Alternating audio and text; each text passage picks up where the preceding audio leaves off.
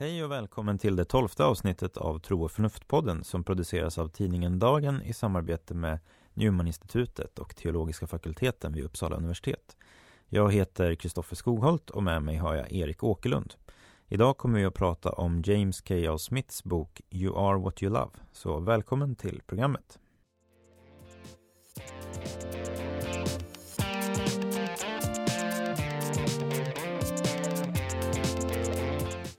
Ja, idag så ska vi alltså läsa James K.A. Smiths eh, senaste bok You are what you love. Eh, och eh, James K.A. Smith är professor i filosofi vid Calvin College i USA och har haft en hel del att göra med den teologiska och filosofiska rörelse eller riktning som man brukar kalla för radikal ortodoxi eller radical orthodoxy på engelska. Och vi pratade lite kort här innan om vad man, hur man ska karaktärisera den här eh, rörelsen och eh, du ska få fylla i lite. Men några saker som jag förknippar med det är ju dels eh, en betoning av att världen har, alltså världen bär Guds närvaro. Det finns en sakramental förståelse av världen och jag gillar ett uttryck och det är uttrycket sakramental materialism som man använder ibland inom radikal, radikalortodoxin och, och säger att för att verkligen så att säga bejaka skapelsen och njuta av skapelsen ehm, så behöver den en grund i en transcendent verklighet. Den behöver en gud för att annars finns det en risk att den kollapsar till nihilism och ehm, eh, intighet så att säga. Så att eh, om man annars har lätt att tänka sig att liksom det här med att bejaka världen, det är så att säga den sekulära eh, filosofins eh, styrka så, så menar radikalortodoxin tvärtom att det är först när världen har sin grund i en transcendent, god eh, gudomlig verklighet som man så att säga, fullt ut kan eh, bejaka den. Eh, vad, vad, tänker du på när du tänker på radikalortodoxi?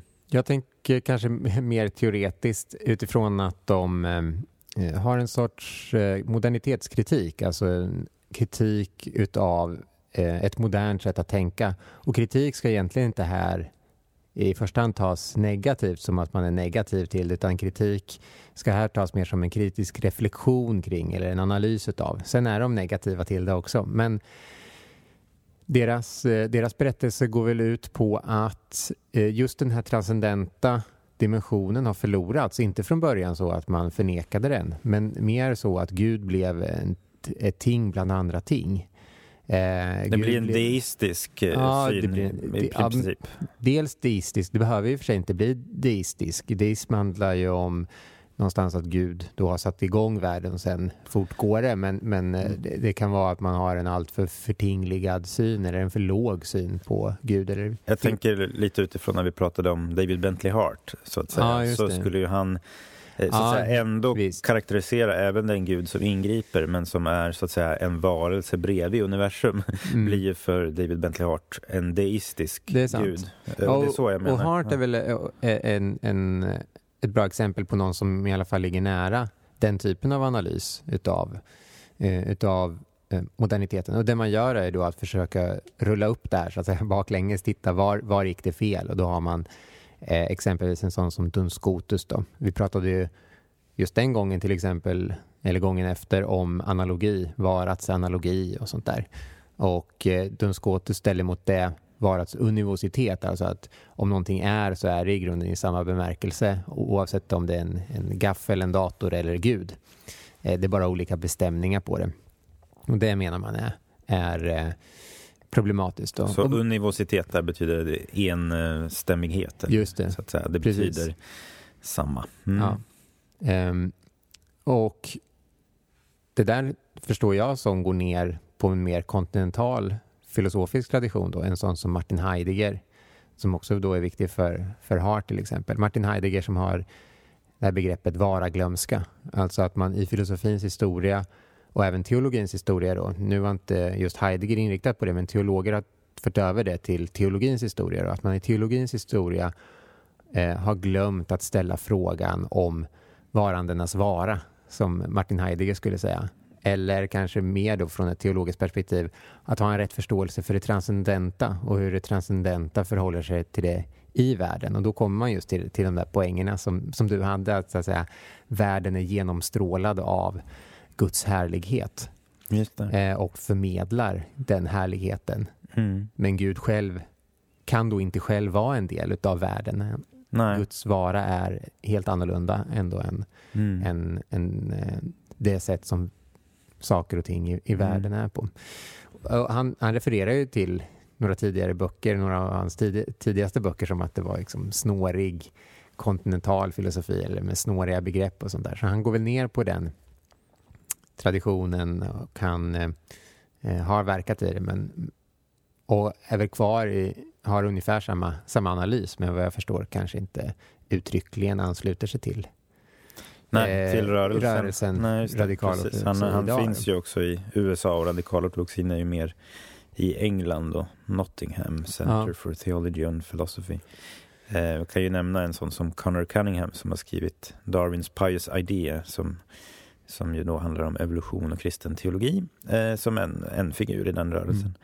Men den här boken är ju en slags sammanfattning eller en popularisering av ett trebandsverk som, eh, som han kallar för Cultural Liturgies Project. Och eh, om man använder eller försöker förklara det här uttrycket Cultural Liturgies så är det kulturella liturgier så är det en, en bärande tanke i den här boken också.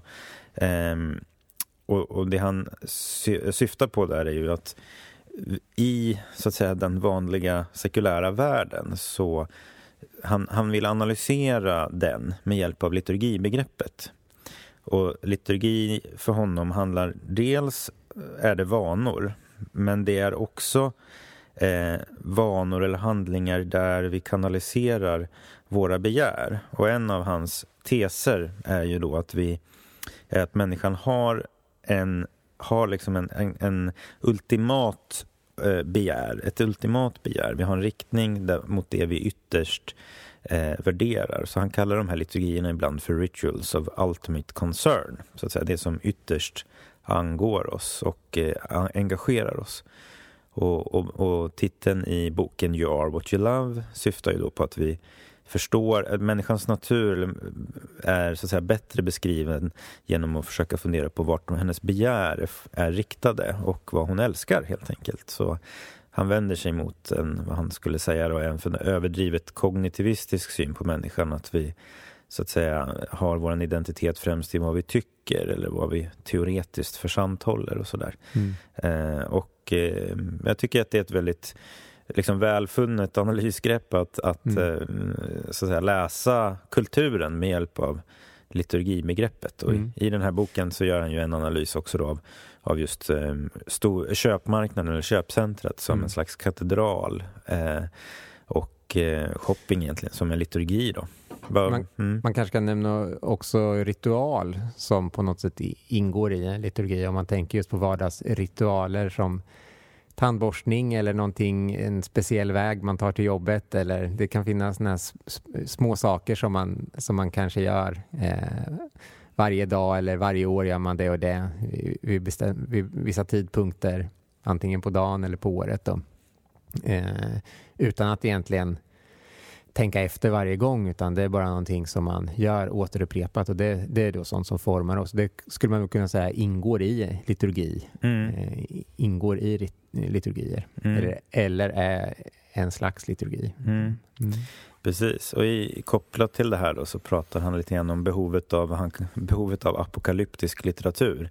Och där, när han, han refererar ju till Uppenbarelseboken då eh, och eh, eh säger att ehm, poängen med den apokalyptiska litteraturen som till exempel Uppenbarelseboken det är inte att sia i framtiden utan det är att avslöja samtiden egentligen, mm. nutiden då, och att eh, det behövs en slags eh, ja, ett avslöjande då. Om man använder ordet på engelska, rev revelation är ju egentligen avslöjande. Mm.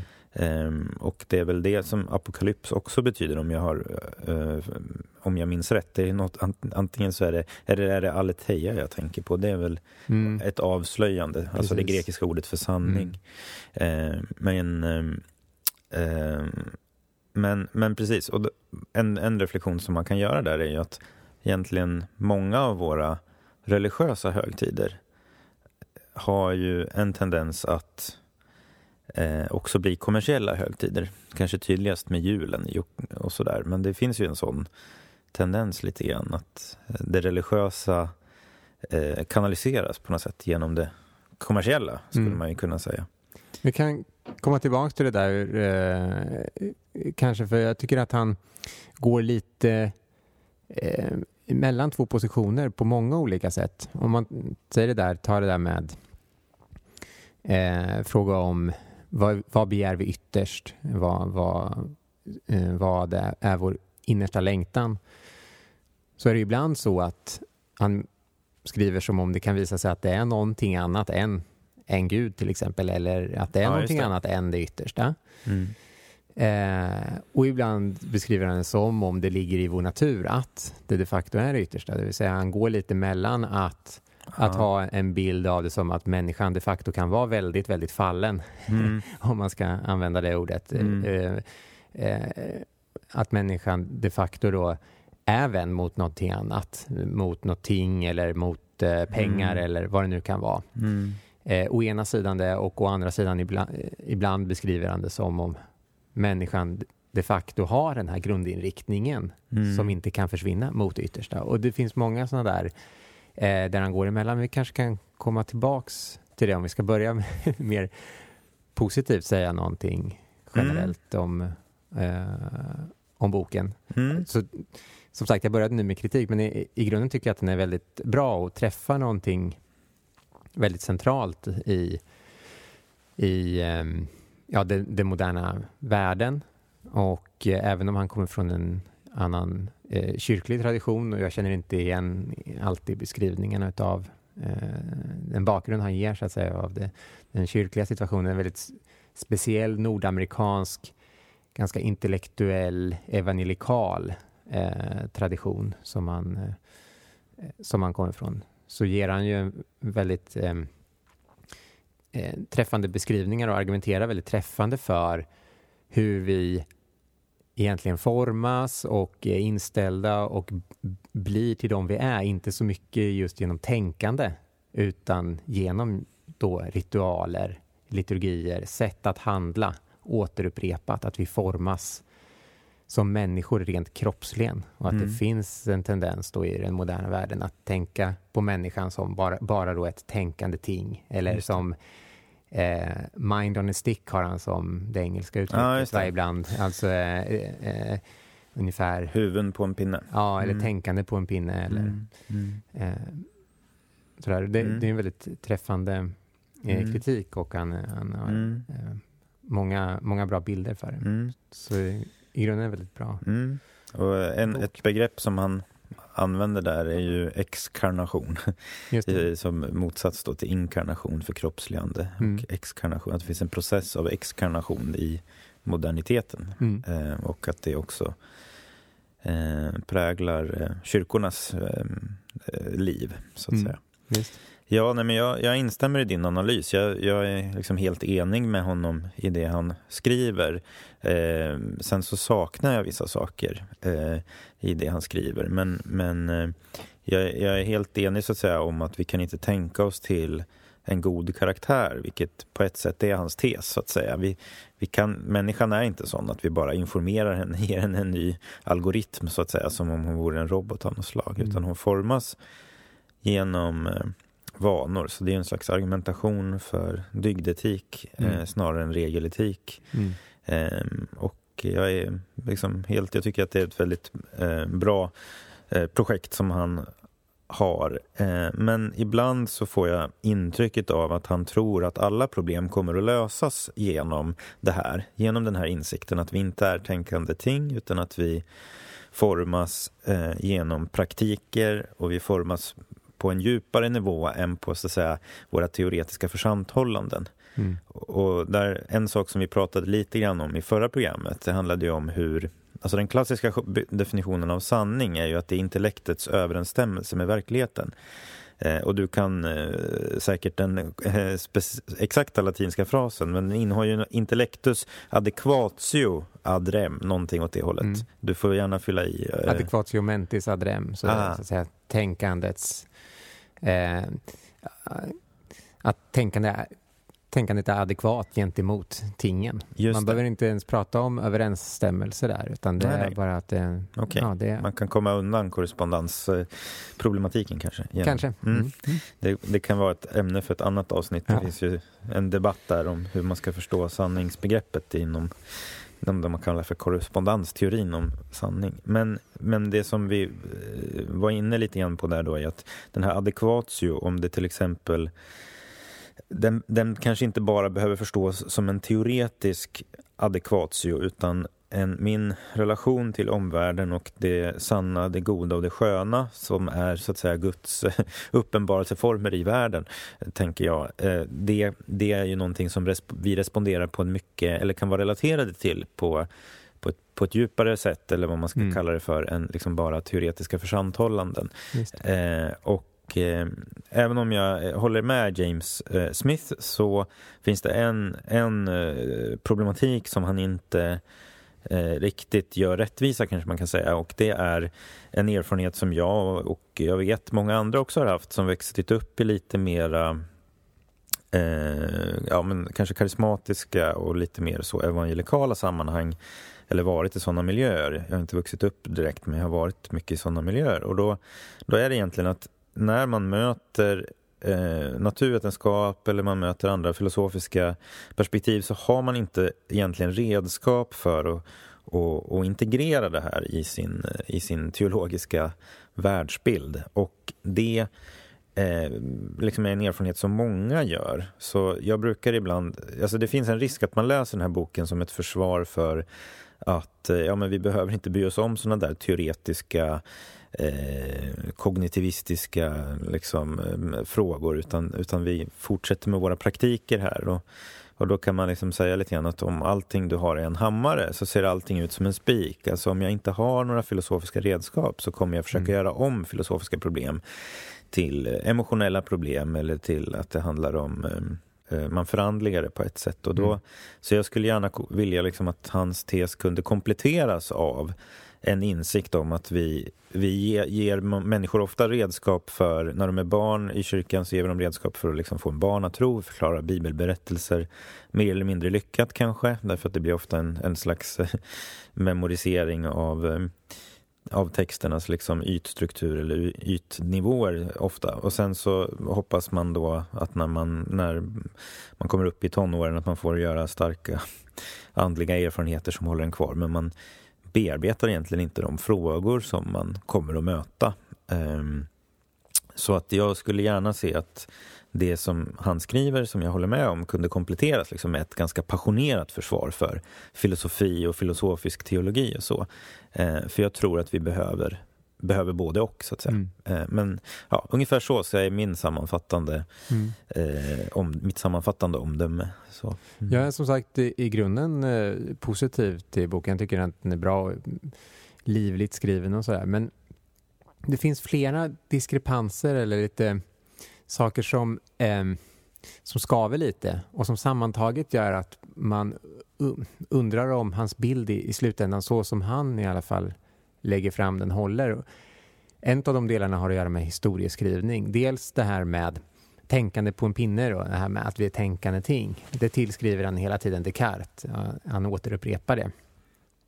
Och det är väl en lite felaktig bild av just Descartes. Eh, och nu kanske man är överdrivet petig, men han är ändå filosofiprofessor, då, så då tycker jag att man kan vara, vara det. Och han är, kommer dessutom från eh, en filosofisk linje, då den här radical orthodoxy, som lägger väldigt stark betoning på att historieskrivning är viktig. Eh, liksom filosofins historieskrivning är jätteviktig för att förstå vad som gick fel. Och där eh, har han en, en eh, enligt, enligt mitt omdöme felaktig bild av Descartes helt enkelt. En, eh, en, kanske, kanske någon gammaldags bild men inte, inte någon som, eh, som riktigt håller streck. Jag skulle snarare förlägga den där typen av en överbetoning på tänkande och så vidare, kanske till upplysningstiden. Alltså Descartes levde under första halvan av 1600-talet, men det han beskriver som ett problem är kanske snarare andra halvan av 1700-talet som är, eh, som är problematisk och, och där också många kyrkor och, eh, och gudstjänster och så vidare görs om på olika sätt, slutet av 1700-talet, början av 1800-talet. Så där ställer jag mig lite frågande till hans historieskrivning. Sen skriver han ju om Calvin förstås, ganska mycket och refererar till. Eh, sidor av Calvin som inte jag, jag, känner till och jag känner inte till eh, Calvin och den kalvinistiska traditionen så mycket. Däremot så kan jag väl mer då om senmedeltida, eh, den senmedeltida kyrkan och lite senmedeltida teologi och filosofi och sånt. där ställer jag mig också lite frågande till hans beskrivning utav, för han vill ju återvända till vad han kallar för, ja, bara den gamla vanliga Eh, liturgin, den gamla vanliga Ja, vi kan förklara det där lite grann. Han använder ett uttryck historic Christian worship. och för honom så eh, har så att säga, katolska kyrkan, anglikanska kyrkan och lutherska kyrkor och, och, en del kalvinistiska kyrkor har liksom en grundstruktur i sin gudstjänst som, som han eh, tycker är viktig. Den, den, liksom, den visar att det är Gud som in, tar initiativet och vi responderar. Han, ja. han så det, det är ju hans tes då. Mm. Just det. Och då, men då beskriver han det som att eh, under senmedeltiden då så eh, jag skulle sammanfatta det som att han beskriver det som att sakramentaliteten försvinner och det blir, för att använda ett uttryck som du har gjort tidigare här, fetischism. Alltså att eh, tingen då rycks bort från det, det transcendenta. De får ingen relation till det transcendenta. Utan de, det, blir, eh, det blir prästen som blir subjektet, så att säga. Inte Gud som verkar ja, genom... eller kanske ännu mer att, att eh, sakramentala föremål eller, ja, och sånt där rycks bort då mm. från, från det kyrkliga mm. eller liturgiska sammanhanget och blir en sorts, det blir en sorts magi mm. eh, då utav det. det. Mm. Eh, nu invänder Jonna Bornemark mot det eh, uttrycket, men jag använder magi här som att det har tagits bort från det, mm. från, eh, det rätta religiösa sammanhanget ja. och bara få någon form av eh, egen kraft löskopplad från mm. allt annat och att jag kan eh, bestämma över eller jag kan bruka det för mina egna syften, att, att det rycks bort från. Mm. Och det där är ju då en bild av eh, senmedeltida västlig eh, kristendom som starkt har ifrågasatts. Och starkt har ifrågasatts eh, betyder inom akademiska kretsar att den är fel helt enkelt. eh, eh, det finns en bok bland annat som heter Stripping of the Altars som kom i början av 90-talet skriven av Eamon Duffy eh, som eh, eh, gör upp med den där bilden för de engelska förhållandena och visar hur eh, det liksom, religiösa andliga livet Eh, Eh, i England faktiskt var inordnad i en sorts liturgiska cykler och var relaterat till, till kyrkliga handlingarna och så vidare. Hur, hur man hade en integrerad helhet. En, en, svensk motsvarighet skulle vara Magnus Nymans Förlorarnas historia då, som, som eh, går till rätta med, med eh, en bild av en liksom förfallen kyrklighet under senmedeltiden. Det finns säkert andra historier, men han, jag tycker han på ett väldigt oproblematiskt sätt återupprepar mm. en, en bild då, som, som, eh, eh, som starkt har ifrågasatts. Och varför är det här viktigt då? Jo, men historieskrivning är viktigt eftersom, för att återvända till radical orthodoxy, hur man skriver historien, hur man återberättar hur problemen har växt fram, ger ju hur man, hur man ska lösa dem så att säga. Och här, eh, hans bild är då att eh, Calvin, som jag återigen inte kan så mycket om, men att Calvin återvänder till ett mer genuint sätt att göra liturgi egentligen, eftersom Gud blir både subjekt och objekt i, i, och, och det i kan man ju, den kalvinska mm, gudstjänsten. Det kan man ju utlägga då lite bara kort, alltså det han menar med att Gud är både subjekt och objekt. Det är så att säga att i, i liturgin så det är inte vi som producerar eh, tillbedjan så att säga, utan vi mm. egentligen går in i och deltar i Guds inre så att säga kärleksgemenskap. Mm. Och, och, ehm, så, så att det, det, det är det han menar där med att, att vi, vi är varken passiva åskådare eller producenter utan vi är deltagare mm. i en lovsång som pågår så att säga. Men vi är genuina deltagare. Så. Mm. Men med allting som man beskriver om det här med tänkande på en pinne, ett sorts intellektualisering utav eh, kristna tron och det kristna livet och så vidare har ju traditionellt till, tillskrivits snarare en sån som Calvin.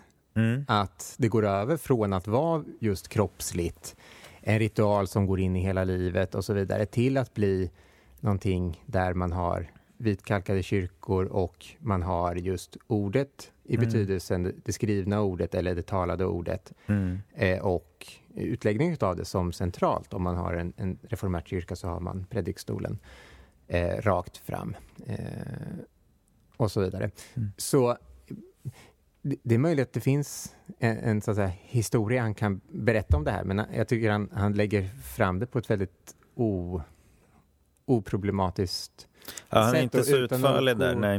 Och men jag, jag gå in på det. Ja, nej, jag... bara, bara en sista sak mm. så kan man bara referera till, till en sån då som i eh, en bok som kom nyligen, Doften av rykande vekar, som en sorts samlingsvolym om den svenska reformationen, där eh, där Anders Pilz har skrivit en, en, en, en sorts sammanfattning av skeendet. Anders Pilzer, professor emeritus i latin i, i, i Lund och eh, dominikanpräst i, i katolska kyrkan. Eh, som att eh, det är så att säga örat som blir det centrala organet. Eh, det kan man säga är rätt eller fel, bra eller dålig utveckling, men, men så som han beskriver vad som är önskvärt så tycker man att det, det väldigt mycket just går emot vad man i alla fall förknippar med utvecklingen av eh, gudstjänst och synen på förhållandet mellan Gud och människa ho, hos Calvin. Och jag kan inte riktigt någonstans se ens en sorts eh, kritisk eh, diskussion om det här. Men, men det är möjligt att han skriver om det på, på andra ställen och så vidare. Och, och jag känner inte till helt. Nej, men precis. Jag tänker på, på två saker. Å ena sidan så tror jag att han vill berätta en, en berättelse där han, där han vill så att säga, föra fram sin vision. Och han behöver en bakgrundsteckning mot vilken han tecknar sin vision.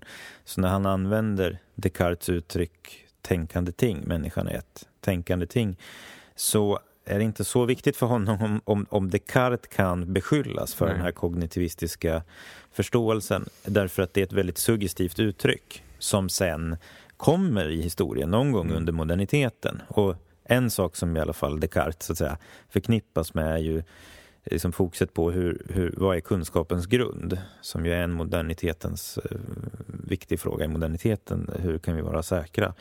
Eh, hur kan vi nå visshet och så vidare. Men, och sen med eh, samma sak tror jag faktiskt när det gäller, gäller liksom bakgrunden med liturgin och så.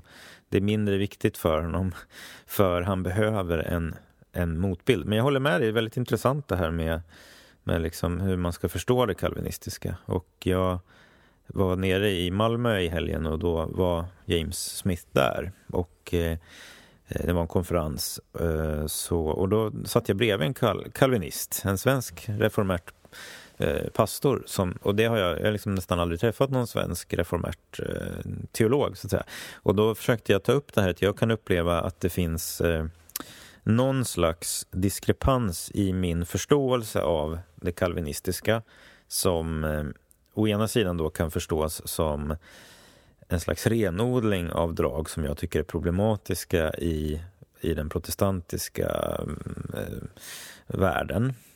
Men å andra sidan så inser jag att det, det inte riktigt kanske är så. Det, det, finns, finns, det finns en författare som heter Marilyn Robinson bland annat som eh, är en stark anhängare av Calvin och som, som många menar då i sina böcker liksom lyckas gestalta någon sån här form av sakramental livserfarenhet där Gud är närvarande i skapelsen och sådär. Eh, och eh, det finns, eh, alltså det finns en, en, en eh, det finns någonting där som jag inte riktigt, jag får inte ihop det riktigt. Så att, men någonting med myllan här också som lyckas få fram en sån som Smith. Det kanske också visar på någonting och han liksom kopplar tillbaka till mm. sin egen tradition.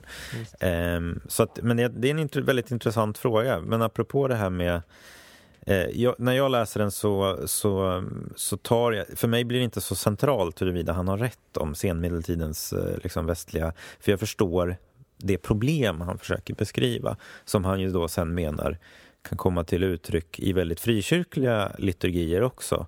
Ehm, en, en, en förståelse av liturgin som eh, det är bara något människan gör, den är naturaliserad så att säga, att den tappar sin sakramentala. Ja, men det är absolut, det tåls ju att problematiseras så att säga. Jag kanske kan fortsätta bara med ett eh, annat mer, mer ytligt. Ni har tagit upp två ganska sådär eh, kanske små eller och, och nästan lite akademiska problem, akademiska i en negativ bemärkelse, även om jag tror att det har betydelse. Då. Men det finns andra sådana här diskrepanser eller saker som skaver lite. Bland annat har han ju en kritik förstås då utav eh, sociala medier, hur det används och eh, han har någon bild till exempel, en ganska suggestiv bild av konstnären Banksy på ett par som står och ja, håller om varandra och mm. eh, båda två, var och mm. en av dem har sin egen smartphone mm. och håller mm. upp och tittar på samtidigt som de gör det. De tar en slags selfie. De tar ett, just det, de tar en selfie eh, när, de Ingen är om. helt närvarande. Precis, mm. och det är liksom, det är också är en fantastisk bild. Ja, en fantastisk bild. Och det är bara deras eget ansikte de ser då, eftersom mm, de tar precis. selfien då. Så i grunden så är det en sorts ja. narcissism. Att mm. det, det är Han kallar det litur, lit, lit, liturgies of narcissism. Just det, precis. Uh, ja.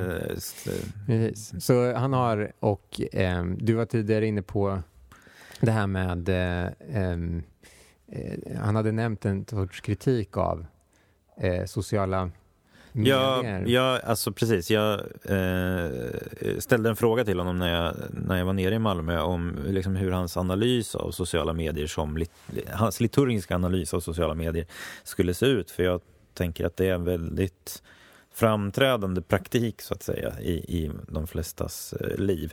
Och han, han använder uttrycket, han, han refererar till Charles Taylor, kanadensisk filosof som pratar om eh, en culture of mutual display. Eh, och hans poäng där är att eh, före moderniteten så fanns det en större tendens, en större så att säga, erfarenhet eller upplevelse av att man lever sitt liv inför Guds ansikte. Eh, men det här har vi tappat den, den horisonten i takt med att eh, tron på Gud har trängts undan. Men vi behöver fortfarande den här blicken. Och den blicken får vi av... Vi har ju alltid såklart behövt bli sedda av andra människor men den, han, han menar att någonting i den här eh, riktningen mot Gud så att säga, istället då riktas mot omgivningen och kanaliser, kan ju då kanaliseras till exempel genom sociala medier. Och en, en aspekt man kan fundera lite grann på där är ju Ger det, ger det gemenskap eller ger det beundran? I bästa fall beundran, mm. så att säga. Och vad är skillnaden mellan den kärleksfulla blicken som, det var ett, en sak som han sa, där Gud säger jag vet allt om dig och jag älskar dig. Mm.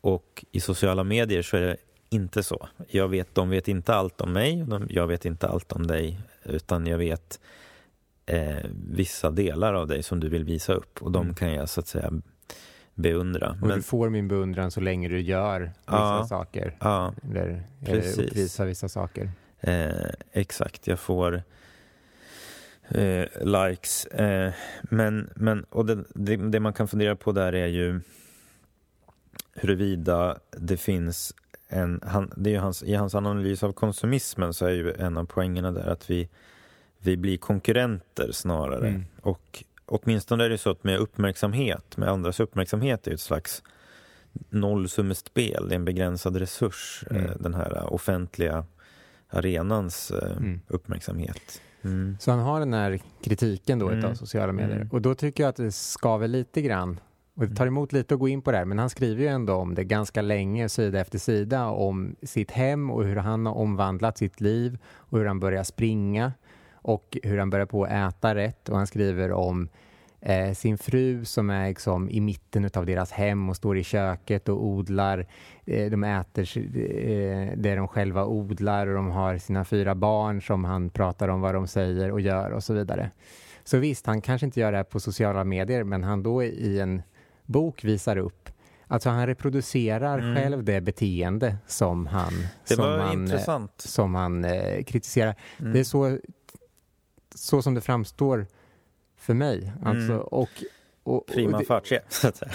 det är lite, li, lite, ja. lite liknande det här med att man, man inte ska vara tidsenlig, gå lite i otakt, men man ska liksom göra det på rätt sätt. Och även när han pratar om då att vi behöver bara den här, vad han nu kallar det för, historiska kristna, eh, kristna mm. och det ska inte vara något speciellt och det bästa är om det bara går in i, mm. i liksom vardagen. Vi inte mm. ens tänker på det. Det formar oss dag mm. för dag och mm. man gör samma sak och så vidare. Mm. Så pratar han ändå om hur, han, hur de är en, och, och, och han kritiserar ju då att man i kyrkor alltid letar efter det nya och man ska försöka hitta det där senaste sättet och nya sätt att få upplevelser. Mm. Och, mm. och sen pratar han om den kyrkan i, i den staden där de har gjort på det här sättet i, för barnen och, eh, och refererar då till eh, hur man gör i olika kyrkor på det sätt som han menar då är, är otidsenligt. Ja. Men det ska ändå vara på rätt sätt. Så på många sådana där nivåer tycker jag att han på ett sätt återupprepar eller reproducerar eh, beteenden som han kritiserar. Och det är väl sådana vi är. Vi, vi lever ju Jag förstår tider, vad du men, menar. Men, men, men, det verkar inte finnas någon form mm. av eh, själv... Eh, Just det, jag, jag förstår vad du menar och jag gjorde inte riktigt samma läsning. Jag reflekterade inte över det när jag läste. Alltså jag förstår vad du menar och det, det, någonting i det här finns det som, vad ska man säga, en slags att man ska vara hipsteralternativ. Eh, och jag upplever honom inte på det sättet mm. när jag läser. Men, och det är en jätteintressant fråga eh, varför man, om, om han liksom går in i det riktigt eller om han inte gör det. det, där, där, det hade ju varit väldigt knepigt tycker jag om, om han liksom hade tagit ett kort på varje ny planta som kom upp i trädgården och sådär. Men, men lite grann så får man, jag tror, jag, alltså, så här, jag har ibland reflekterat över eh, vad är det som gör att när någon annan människa delar med sig av någonting i sitt liv så får man kraft och energi av det? Eller vad är det som gör att man liksom känner eh, snarare den motsatta, jag lever inte upp till, till det här? Och någonting i... Till exempel så, så fanns det ett program på SVT som hette Lerins lärjungen, tror jag. Det är den här konstnären Lars Lerin som jobbar med utvecklingsstörda och har liksom en konstnärsverksamhet, så att säga. Och det kanske låter fördomsfullt, men min erfarenhet, jag har jobbat en del med utvecklingsstörda också, sådär, och där man, man kan få, där kan man få känslan att det finns en slags direkthet som är, det är en slags omedvetenhet om hur man själv mm. framstår eh, som gör att det blir mer livgivande mm. för omgivningen. Mm. Eh, och eh, kanske var det så att jag inte uppfattade den där självmedvetna och det behöver inte betyda att eh, jag har, att, att det inte var så men, men jag upplevde det inte riktigt så när jag läste, alltså att det blev mer som en slags det här är något som är livgivande i vårat, i våran tillvaro typ. Mm. Men jag, jag, är helt med på din kritik och hur, hur det kan, just den här, liksom, man är hipsteralternativ men man reproducerar egentligen samma mm. grundläggande logik mm. på ett sätt. Det handlar om att vara trendig. Men det blir bara så att säga på en högre ordning än ständighet. Ja, eh, så. Mm. Um, um, och jag till exempel använder ju Facebook och, och Twitter och sådär men jag får jag, jag, klarar inte av Instagram. Jag har ett Instagramkonto, men jag går in där och så mår jag dåligt efter några minuter och så går jag, går jag ut igen. Och det, det, det är väl för att eh, det är väldigt fokuserat på, på det synliga, det visuella. Mm. Eh, men jag kom att tänka på när vi pratade förut om hur det så att säga, protestantiska överbetonar hörseln, eller vad man ska säga jag hörde ett teologiska rummet där de refererar till den katolska teologen Hans Urs von Balthasar, 1900-talsteolog, mm. som, som har någon slags analys och menar att hörsel är ett mer teologiskt sinne än blicken. Mm. Men det har också att göra med att blicken är, gör det den ser till objekt. Mm. och hörseln är mer receptiv då. Mm. Det är säkert metaforiskt också, men, men um, det, var, det är en intressant så att säga, mm. parallell till, till den tidigare diskussionen där. Mm.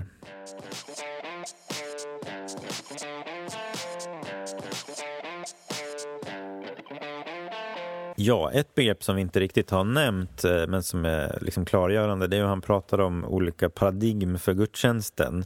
Han, han kontrasterar då gudstjänsten som ett eh, self-expressive eller liksom en arena för självuttryck eller självexpression och eh, eller gudstjänsten som en, en formativ eh, plats. Och, och, det blir också ett argument för, för Smith att det är det senare som, som är så att säga det rätta och forma, form, formation tar tid, det kräver, det kräver så att säga, upprepning. Kunskap repetition är kunskapens moder också på, på det affektiva planet och det kroppsliga planet och sådär.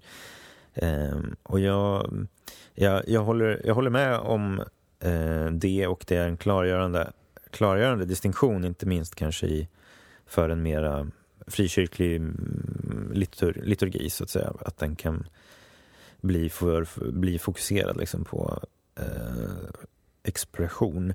Eh, men ibland så tycker jag att det kan finnas en risk då att den här betoningen på eh, formation har en problematik i sig.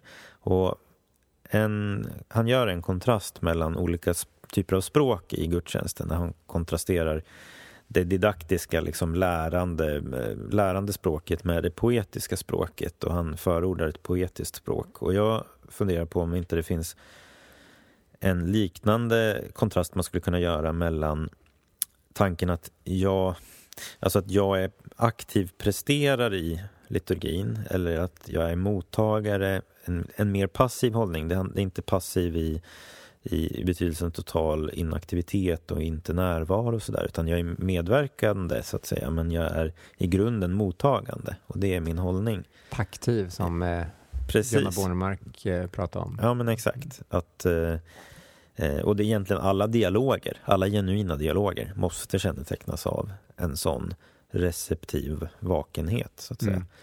Mm. Ehm, och en parallell man kan göra där är att i skapelseberättelsen i, i Bibeln så skapas ju, då är ju liksom skapelsens klimax är sabbaten. Det är inte skapelsen av människan utan det är sabbaten som är där människan firar skapelsen och firar gudstjänst. Så att säga. Eh, det kan kontrasteras med, med de andra omgivande kulturernas skapelseberättelser där människan faktiskt skapas för att arbeta för höggudarna, för låggudarna strejkar. Så man behöver arbetskraft, så att säga, eller Gud behöver arbetskraft. Eh, och eh, Så på det viset så kan liksom liturgin vara lite motkulturell då också genom att vara en plats för vila. Det är inte en plats där jag presterar. Mm. Och det finns en risk om man tror att liturgin är den senaste metoden så att säga, för att forma oss. Det är inte, utan den är ju ja, tillbedjan då helt enkelt. Mm. Mm. Ja, jag kommer att tänka på en poäng som eh, Josef Ratzinger eller Benediktus den XVI och påven emeritus gör i en artikel, tror jag, som handlar om mariologi sen andra Vatikankonciliet, alltså läran om Maria sen, sen det här stora eh, kyrkokonciliet som hölls i katolska kyrkan på 60-talet. Och där uttrycker han det som att för att kyrkan ska kunna bli Kristi kropp så måste hon först vara Kristi brud. Det vill säga han hänvisar då till två, två bilder av kyrkan egentligen, Kristi brud och Kristi kropp. Och Kristi brud, enligt den bilden så är Kristus brudgummen, kyrkan bruden. Och i ett äktenskap så blir de två ett kött. Och här är ju då eh, bruden gentemot brudgummen traditionellt förstås som den mer receptiva eller mottagande parten. Men det är återigen en, en sorts paktivitet, en, en, aktiv öppenhet. Men det är genom det sen som kyrkan då kan bli Kristi kropp, det vill säga bli Kristi händer och, och fötter i, i världen, eh, den som är utåtriktad. Så, så den här första bilden utav ett brudpar har att göra med intimitet, ömsesidig uppmärksamhet på varandra och så vidare. Det här eh, att man eh, har en mer stilla öppenhet gentemot varandra. Medan mm. den andra bilden är en sorts utåtriktad rörelse mm. från de här två eller en, mm. eller hur man ska beskriva det, mm. ut mot världen. Men då är det det här receptiva, kontemplativa, det paktiva föregår mm. eh, det, det utåtriktade. Och man måste, och i en mening så är det ännu mer grundläggande i den kristna tron och det kristna livet, för det är dit vi är på väg i slutändan. Precis som du säger i skapelseberättelsen så handlar det om att vi är egentligen gjorda för då gemenskapen med Gud. Vi är gjorda för vila och att njuta Gud. Och det ligger ju väldigt väl i linje med den här boken förstås. Han, han hänvisar till Augustinus. Mitt hjärta är oroligt innan det finner sin vila hos dig, Gud. Mm. Det är dit vi är i slutändan också på väg. Det mm. aktiva, det utåtriktade tillståndet är ju inte, inte varken det första eller det sista. För det sista tillståndet, det vill säga him himmelriket, mm. är ju just ett tillstånd utav en, en sorts paktivitet i att leva i, i mm. gemenskap med Gud. Mm. mm. Precis.